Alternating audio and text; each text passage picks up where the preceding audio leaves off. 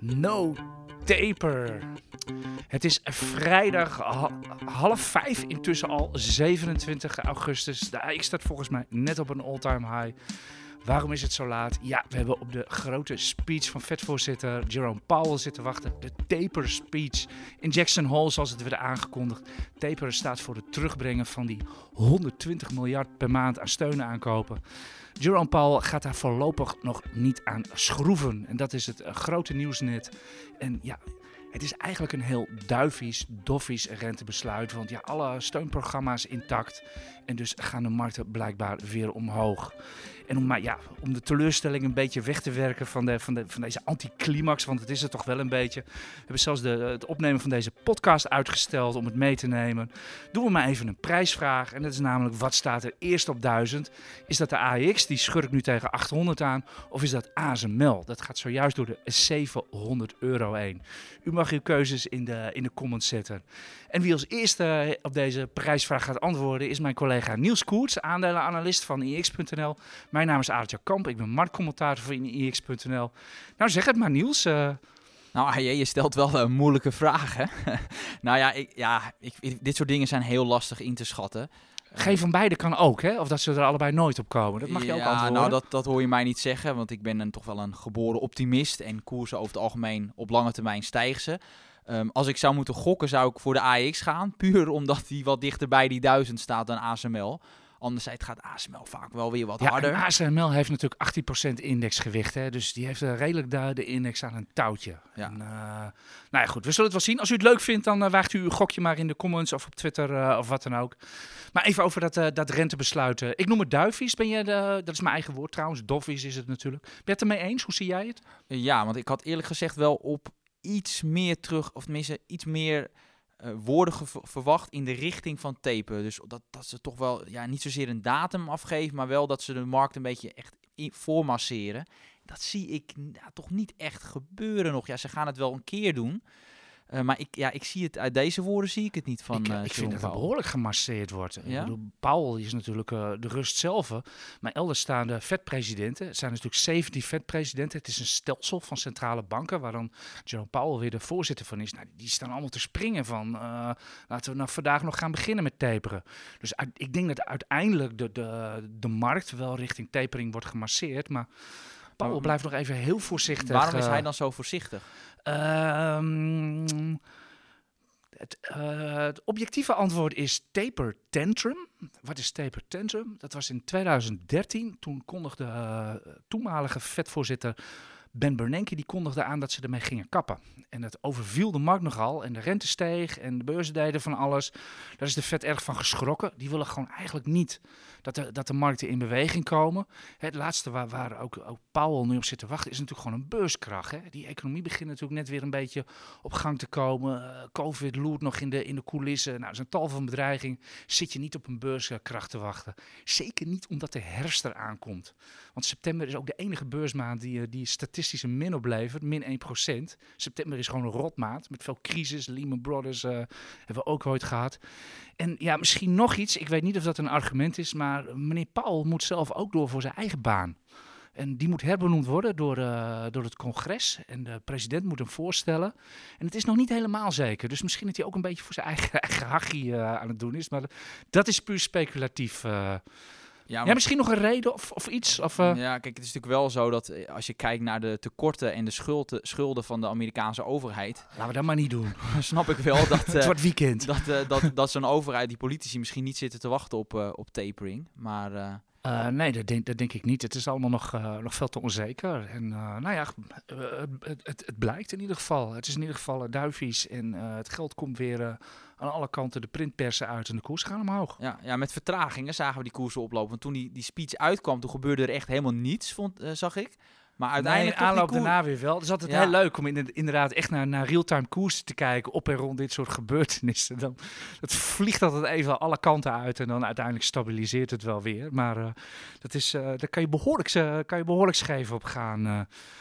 Zullen we verder nog iets over de brede markt zeggen? Nou Want het was, het was eigenlijk, ik vond het eigenlijk wel een beetje saai van de week. Ja, omdat we allemaal op die speed zaten te wachten. Ja, we, hadden, toch- gaan- we hadden gewoon weer AX-records. We kijken er al niet meer van op. Ja, maar toch, de eh, Nederlandse beurzen, zowel de AX, AMX als de echte kleine small cap, veel beter dan de, de Europese indices. Dus we zijn in, in Nederland hebben we toch wel een mooie outperformance gehaald. eh.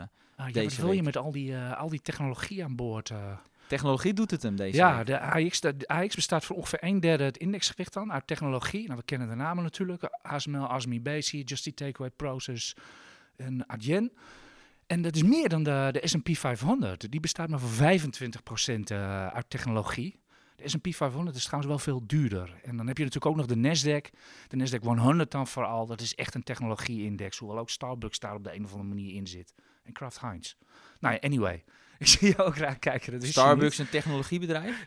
nee, maar het zit wel in de Nasdaq 100. Oké, Ja, ik weet ook niet waarom. Maar, eh, daar snap ik niks van. Nee, goed. ik ook niet. Snap ik ook niks van. Maar uh, viel jou nog iets op aan de, aan de bre- brede markt van de week? Nou ja, we gaan gewoon rustig omhoog. Dat, eh, of rustig, eigenlijk best wel snel. Alleen de dagen, dat het, ja, het gewoon veel stijgingsdagen. En dan per saldo heb je dan een mooie stijging. Ja, inmiddels was, ja, we staan op nog geen 2% meer voor de, voor de 800. Dus eh, het zou grappig zijn als juist in september op het bord komt. Eh, en natuurlijk iets anders, nog wel iets interessants voor de lezers van Premium. We hebben nog een interessant interview in de aanbieding. En daar wil jij, wil je daar Ja. al een, een Ja, soort van dat, iets over eh, zeggen? ja, wij hebben afgelopen maandag hebben wij de AFM-voorzitter eh, geïnterviewd, Laura van Geest, een uur lang. En die hebben onder meer gevraagd over, nou, wat vindt ze nou van de markten? Uiteraard van crypto, hoe zit het met de toezicht daarop? Maar ook over duurzaam hebben we het gehad, over turbo's hebben we het gehad. Eh, dat gaat u allemaal lezen morgen in de EX Magazine. Komt volgende week ook allemaal op de site. En één dingetje wil ik natuurlijk wel verklappen. We hebben natuurlijk mevrouw van Geesten gevraagd waar ze zelf in belegt. Dat eh, is erg leuk om te lezen. Dus eh, dat zijn we natuurlijk als EX wel verplicht. Daar zijn we altijd nieuwsgierig naar. En ze noemt de markten exuberant. We vroegen ook wat ze van de markten vindt. Ze noemde het exuberant.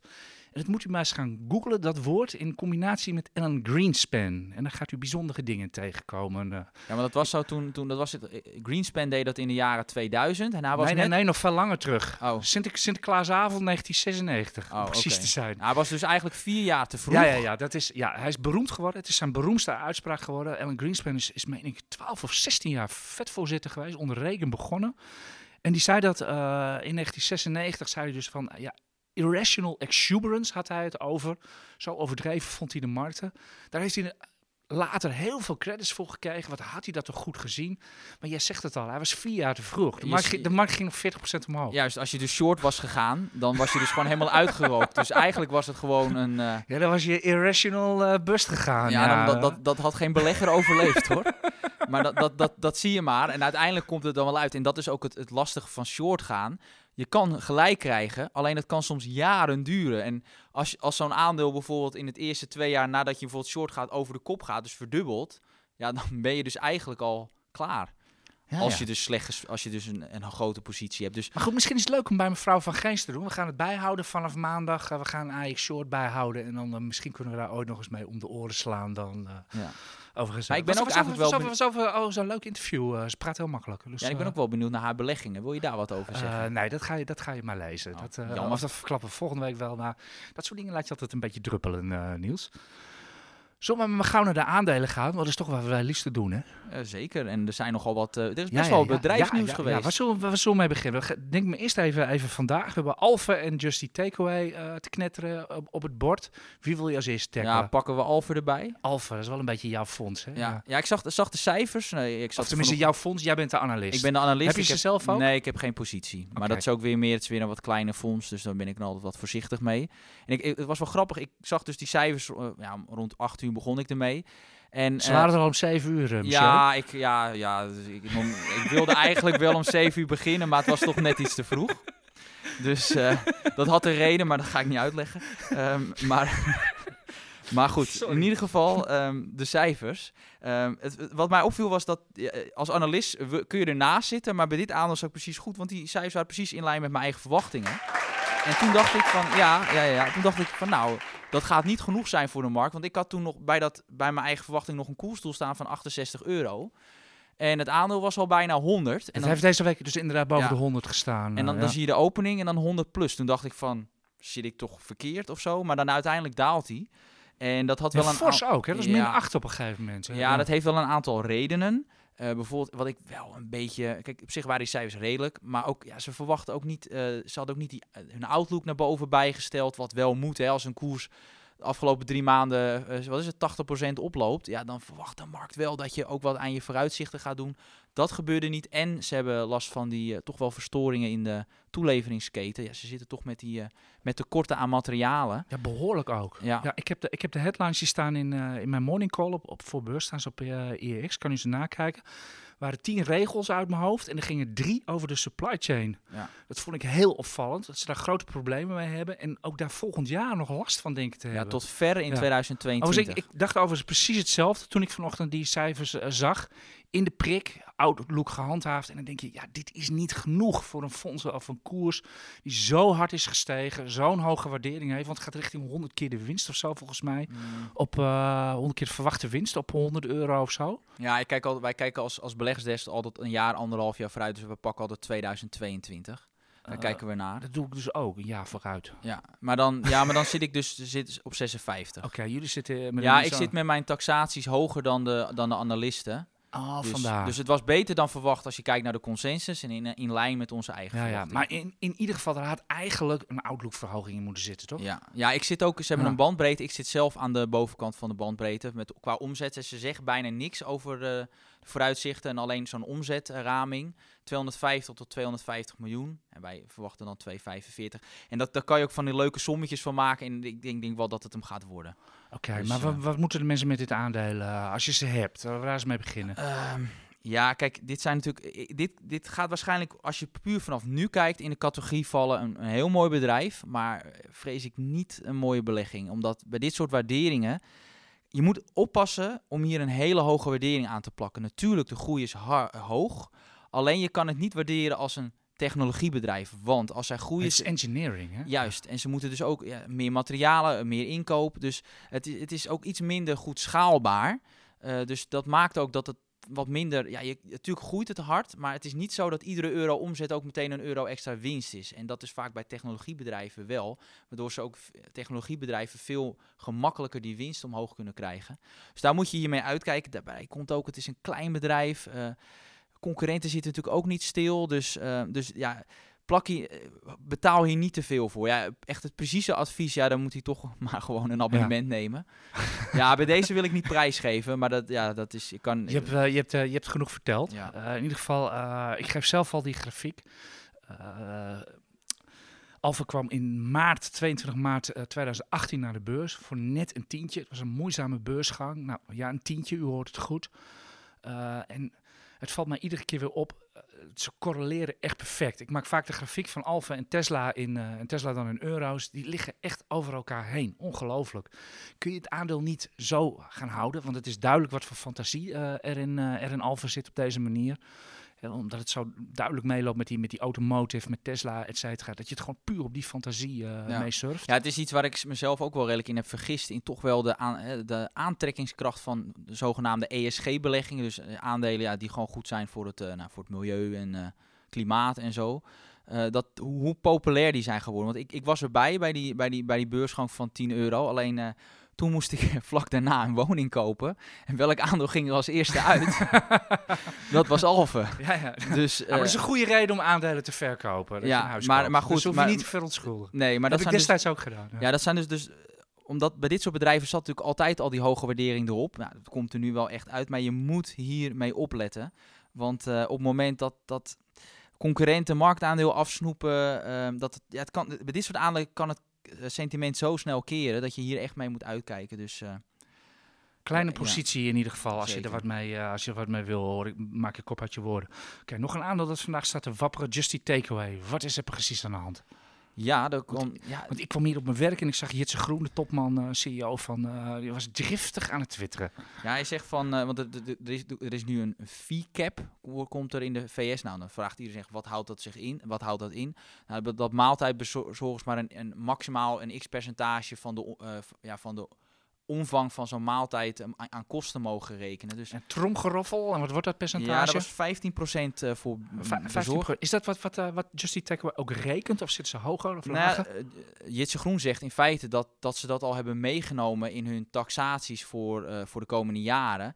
Dus ze zeggen, ja, dit, dit, dit zit, zou ingeprijsd moeten zijn. Nou, dan, dan kijk je naar de koers min 7. Ja, dan denkt de markt dat is dus even er iets anders over. Dus hoe dat zit. Ik zag een regeltje van Credit Suisse even in de gauwigheid voorbij komen dat het, dat het 100 miljoen impact gaat hebben. Zeg, Ja, jou, zeg jou ja. dat iets, dat getal? Ja, of, eh, we hebben zelf 200 miljoen. We hebben het zelf ook geloof ik in een, in, in, in een analyse van vorige maand hebben we er al rekening mee gehouden. Dus wij Dus het- ook hadden er rekening mee gehouden. Dus Dus uh, nou ja, blijkbaar komt dit toch voor veel in de markt als een verrassing. ja, ik Of, vind, ook, ik eh, vind het opvallend. Ja, dus nee, nogmaals, jullie hebben het dus berekend. En Jitse zegt ook van, het zit ook in de cijfers. Dus ja, Mr. Market heeft altijd gelijk, luidt Ja. het spreekwoord. Uh, Ja, nee, het ja. is... Nou ja, Mr. Mr. Market heeft bijna nooit gelijk, is mijn eigen spreekwoord, maar krijgt het altijd wel. Ja. Zullen we het daarmee doen, of Ja. niet? Ja, het is, uh, ja, dat, ja, dat is beleggen denk ik in, uh, in Just Eat Takeaway. Dat, uh, dat, hoort, dat hoort erbij, dit soort Mm. risico's. Dat, dat de koers af en toe dit soort rare klappers maakt. Maar het kan ook omhoog, hè? Ja. Ja, voordat we naar de andere aandelen gaan, is het misschien handig om de, de lezersvragen er dit keer eh, bij te pakken. We zijn halverwege. Zullen, we maar, zullen we dat maar doen?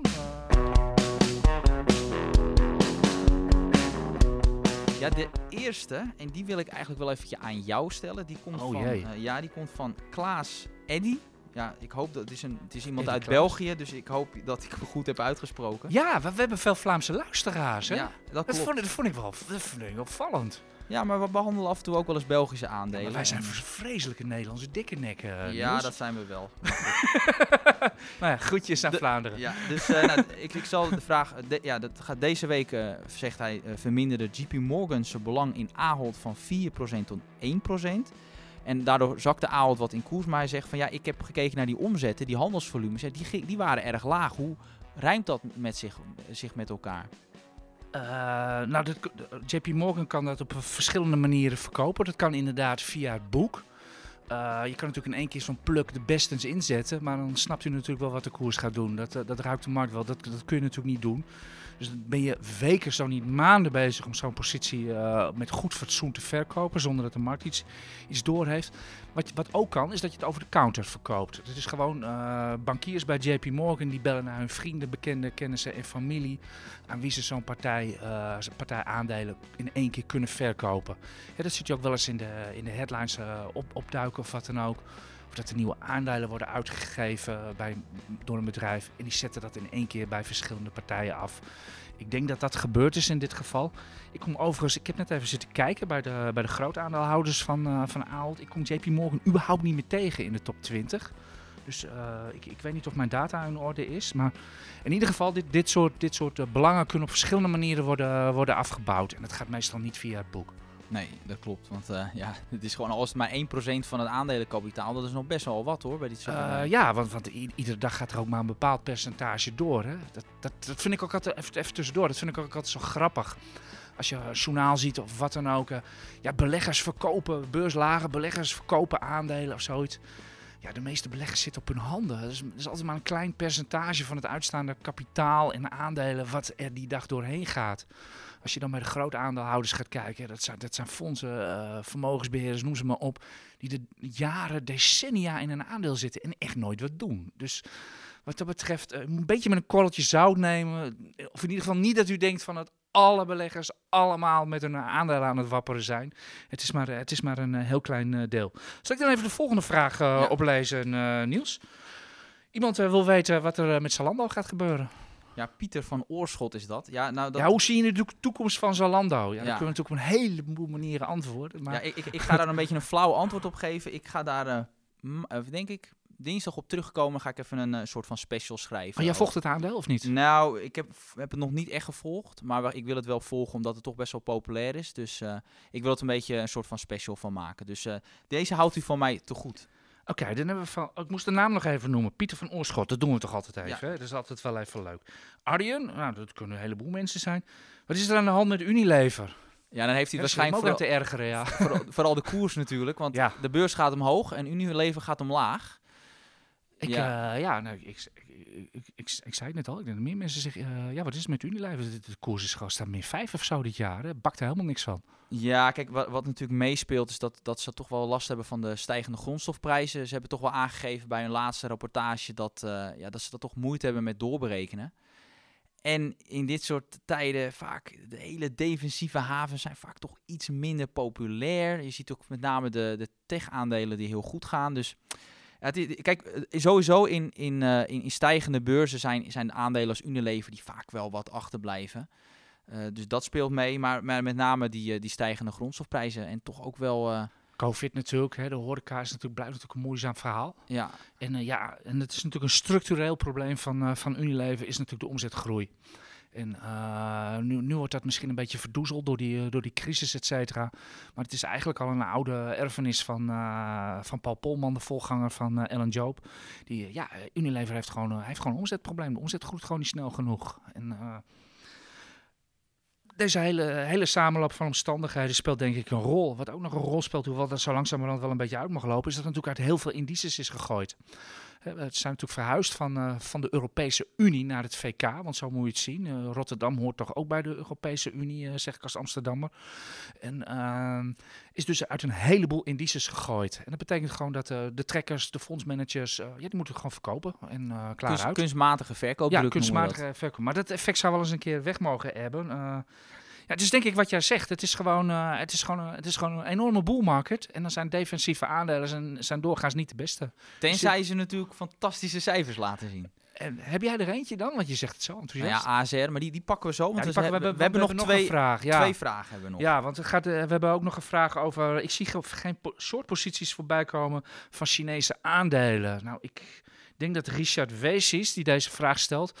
Ik denk dat hij eh, de aandelen aan de Nasdaq eh, bedoelt. Ik weet, eh, of weet je ook een shortregister in Hongkong toevallig? Ja, nou in China zijn ze daar niet zo happig op, omdat ze Nee, willen toch controle houden. Dus, dus, dus het- dat is daar ook heel duur en dat is allemaal niet zo gemakkelijk. Dus met Chinese aandelen is, is dat sowieso een probleem. In Amerika kan het wel, maar ook dan speelt natuurlijk het probleem dat eh, je hebt natuurlijk wel als je short gaan, moet je, gaat, moet je natuurlijk eh, kosten betalen voor het, hè, want er is een partij die ze uitleent die aandelen en die wil daar een vergoeding voor hebben, of de broker wil daar vaak een eh, vergoeding voor niet hebben. mal zijn. Nee, dat zal daar. Dat is wel, wel dat is waarschijnlijk wel, wel pittig. Ik heb dat niet kunnen vinden hoor. Maar ik, ik heb wel gelezen dat het bij Chinese aandelen dat dat toch wat, wat duurder is. En, en dat is het allerbelangrijkste argument. Wat zijn juist de bedrijven die veel geshort zijn geworden? Dat zijn vaak balansen met, of, eh, bedrijven met een slechte balans en een zwak verdienmodel. Nou, dan kijk ik naar Alibaba. ja, je kan zeggen van een bedrijf wat, Nou ja, wat je wil. Dat mag je ook over Tencent en Baidu zeggen, Ja, om maar twee namen te noemen. dat zijn tenten natuurlijk- draaien als een lier. de bedrijven gaan heel Ja. goed. Alleen vanwege dus die geopolitieke spanningen sowieso, maar ook de bemoeienis van de Chinese overheid gaat dat omlaag. En de bedrijven draaien goed. En dat als de bedrijven goed draaien, zijn echt professionele partijen. Gaan, zijn daar niet happig om short te gaan. Zeker niet. Ook omdat ze dus eh, de politiek, dat kunnen ze niet voorspellen. Nee, nee, daarom. Daar moeten ze er blind van uitgaan dat, dat, dat, dat, eh, dat Beijing gewoon de ene rotmaatregel zeg maar, neemt naar de andere voor, Ja. voor, voor die bedrijven. En- Want, en dat is, daar ga je natuurlijk niet op gokken. Nee, dat En, is echt eh, gokken. Ik, ik zou ja. echt bij, bij de Chinese aandelen echt mensen afraden om hier short op te gaan. Want op het moment dat... Het kan ook helemaal de andere kant op gaan. Hè? Ik bedoel, de bedrijven doen het dus heel goed. En op het moment dat toch op een, een of andere manier eh, die bemoeienis minder wordt... eh, of, of dat, ze, ja, dat het wat weg hè, naar de achtergrond... kan zo'n koers zomaar weer verdubbelen van Alibaba. Want het heeft 300 gestaan. Dan stond eventjes 150. De, de, de, er, is, er is gewoon echt potentie bij dit bedrijf. Ja, de ouders die onder het gras zitten, is dat eh, de SEC die bedrijven achter de vorden gaat zitten en ze misschien wel gaat eh, verbieden, de notering aan de Nasdaq. En ik las net eh, vandaag dat China ook overweegt dat techbedrijven, databedrijven, geen notering meer aan de Nasdaq mogen hebben. Dus Nee. niet meer naar het buitenland mogen. En uh, dus ja, er zijn, er zijn tal van risico's uh, denkbaar. Ik had zelf van de week, volgens mij staat hij nog op home van, van IX, een, stukje gemaakt als u uh, in trekkersfondsen wil beleggen in China, hoe u dat dan doet. Ik had een, ik had een, een paar titels gegeven en ja, weet wat u doet. De, de, de, de, kansen zijn enorm groot, maar er staat tegenover dat de risico's ook enorm groot zijn. En die zijn ook heel verrassend. Ik bedoel, gisteren was het nieuws van Pinduo Duo, ook zo'n Chinese gigant, die gewoon de, de winst van Q2 gewoon aan liefdadigheid gaan geven. Ja, dat uh, ja. vind ik apart als ja. uh, beurs van Ja, dan, dan is alles mogelijk aan maatregelen. Er kan, er kan er zelfs een maatregel komen dat je geen dividend aan, aan buitenlanders of ja, zo kijk, mag betalen. Nee, als dat ja. gebeurt, kijk, dan, dan ben je klaar natuurlijk. Maar, hè? maar dit, dat is het risico wel bij Chinese aandelen. Dus je de, hebt een... Deze zag ik niet aankomen nee. hoor. De winst maar even overmaken met Giro 5 en 5. Ja. Nee, maar bij dit soort bedrijven let daar echt op. Uh, het risico is onwijs hoog, maar ja, dat, daar staat dus ook een mooi opwaarts potentieel tegenover. Dus niet te groot in dit soort bedrijven. Eh, dat is echt wel het belangrijkste advies eh, Ja, wat je ja, verder, geven. eh, ja, als u van adrenaline houdt, in ieder geval als u, als u het leuk vindt in dit soort door risicovolle, volatiele dingen te beleggen, ja, eh have fun with dit, zou ik Ja, zeggen. ik zit er zelf ook in. Dus, Oh, waar, waar, waar zit jouw long in? Vertel, Alibaba, Baidu en eh nou, Proces via, Ten, via Ja. Tencent via Proces. Ja, je hoeft eigenlijk niet eens in Tencent zelf te beleggen. Je kan ook gewoon Proces kiezen. Dat, dat hangt, dat is echt één, om, één op één. Wel beperkte posities dus. Oké, ik kijk even naar de tijd. Ik denk dat we even door nou, moeten nee, gaan met nog- de... nee, nee, toch één Oh, vraag nog. Jij wil echt de, nog... Oké, Ja, kort. over eh, eh, Ma- Matthijs. Die had een vraag over eh, dat hij veel eh, boeken leest. En dat hij eigenlijk wel eens een keer een boekentip zou willen hebben. Dus dacht hadden wij het idee van, nou is het misschien een idee om misschien de volgende podcast om bijvoorbeeld een paar minuutjes even een, ja, een bepaald, eh, een, een soort van eh, boekbespreking te houden van een paar minuten. En dan echt wel Hadden we eigenlijk voor de vakantie moeten doen, hè? Ah, maar ik, ik- ik heb er zoveel gelezen, dat komt wel goed. dus, eh, Nou, dus, misschien kunnen we ook eh, wel een paar klassiekers eh, geven. Of zo, ja. een boekenlijstje of ja, zo. ik zo. heb wel een paar echte Ja, ja. favorieten. Begin maar dus- met Benjamin Graham uit eh, 33. eh hoe heet hij ook alweer? Ja, value de investing. Value Investing. ja, zijn de wel- value investor of zo. ja, is dit alvast de eerste tip? Lees die eerst maar uit, dan, dan weten we Maar wij gaan, er, ik, wij gaan er wat mee doen. Dat is een leuk ding. Daar gaan we wel wat mee doen.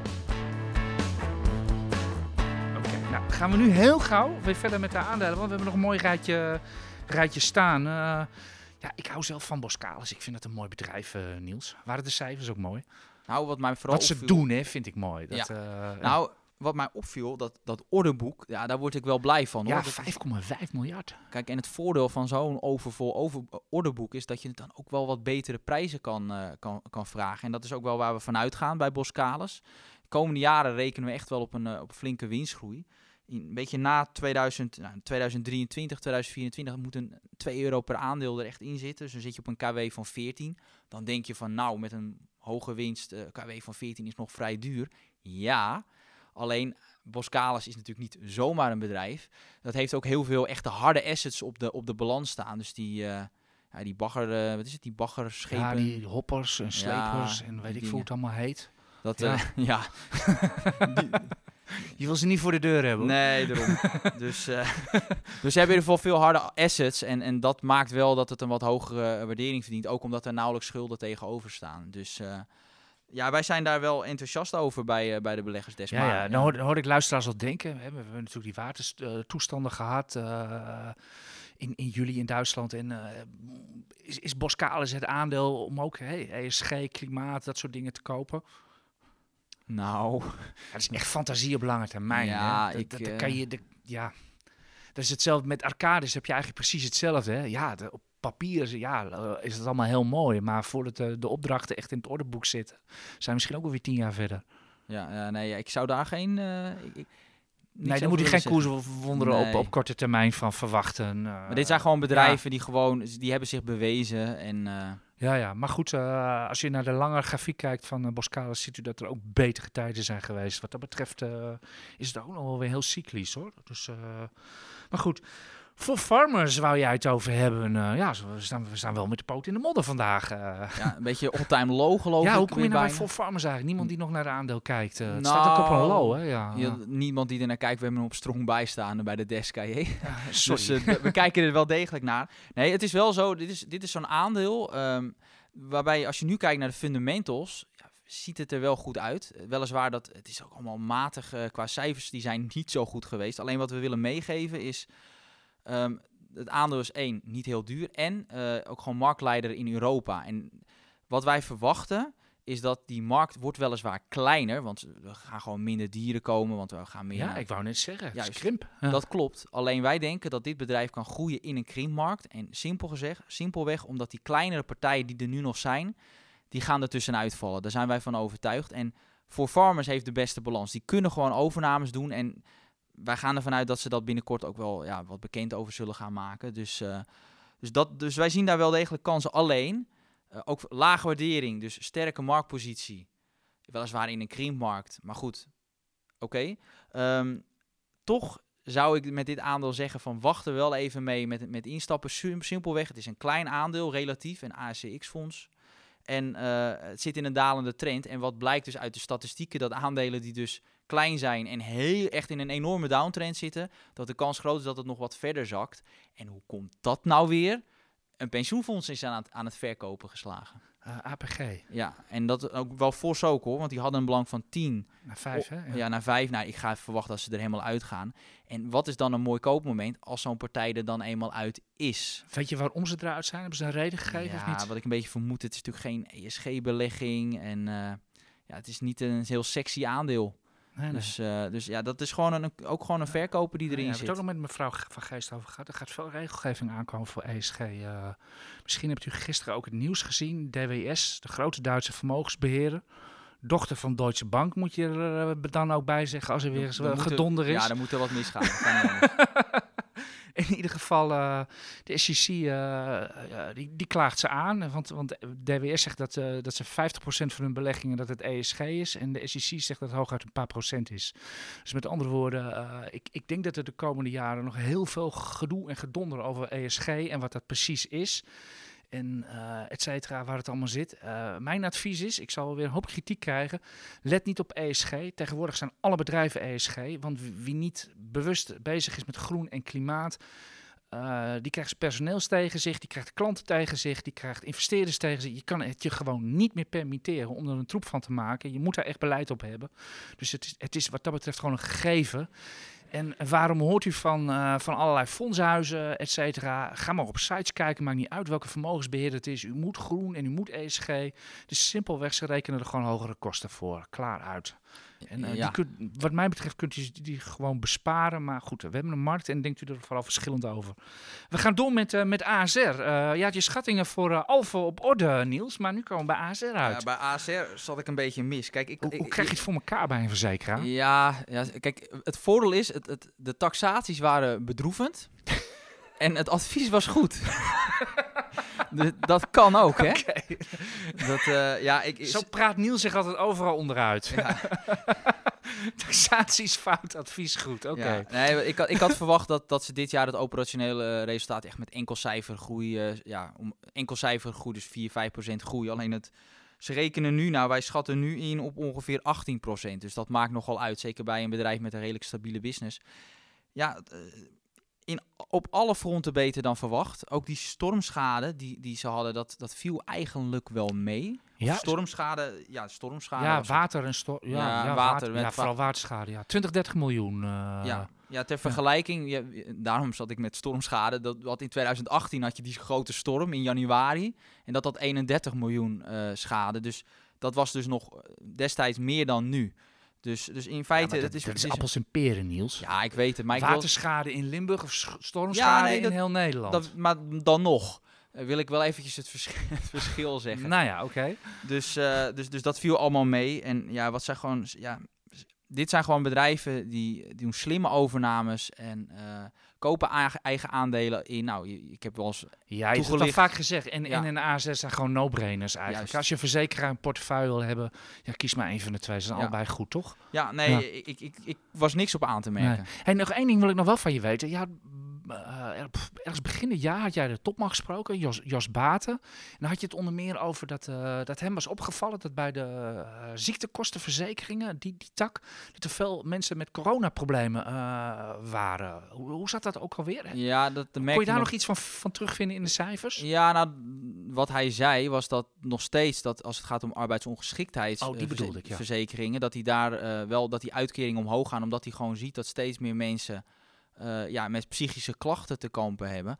Alleen dat, dat zie je, je ziet natuurlijk, hoor, zou je dat terug moeten zien in de cijfers. Alleen daar staat dus tegenover dat nog steeds die autoschades heel erg meevallen. Dus dat, dat compenseert elkaar weer. Dus, eh, dus, dus ja, in dat o- o- opzicht zie je het dan ook weer Welkom niet. in de wonderenwereld van de verzekeraars. eh, Ja. ja. Dus- Oké, wou je nog iets, eh, wou je nog iets over BAM zeggen? Ja, nou, over BAM had ik erbij staan. Omdat wij dachten van nou, Ja. met, die, met die afsluitdijk. En eh, ze zeggen er niks over. Slechte communicatie, die koers zal wel omlaag gaan.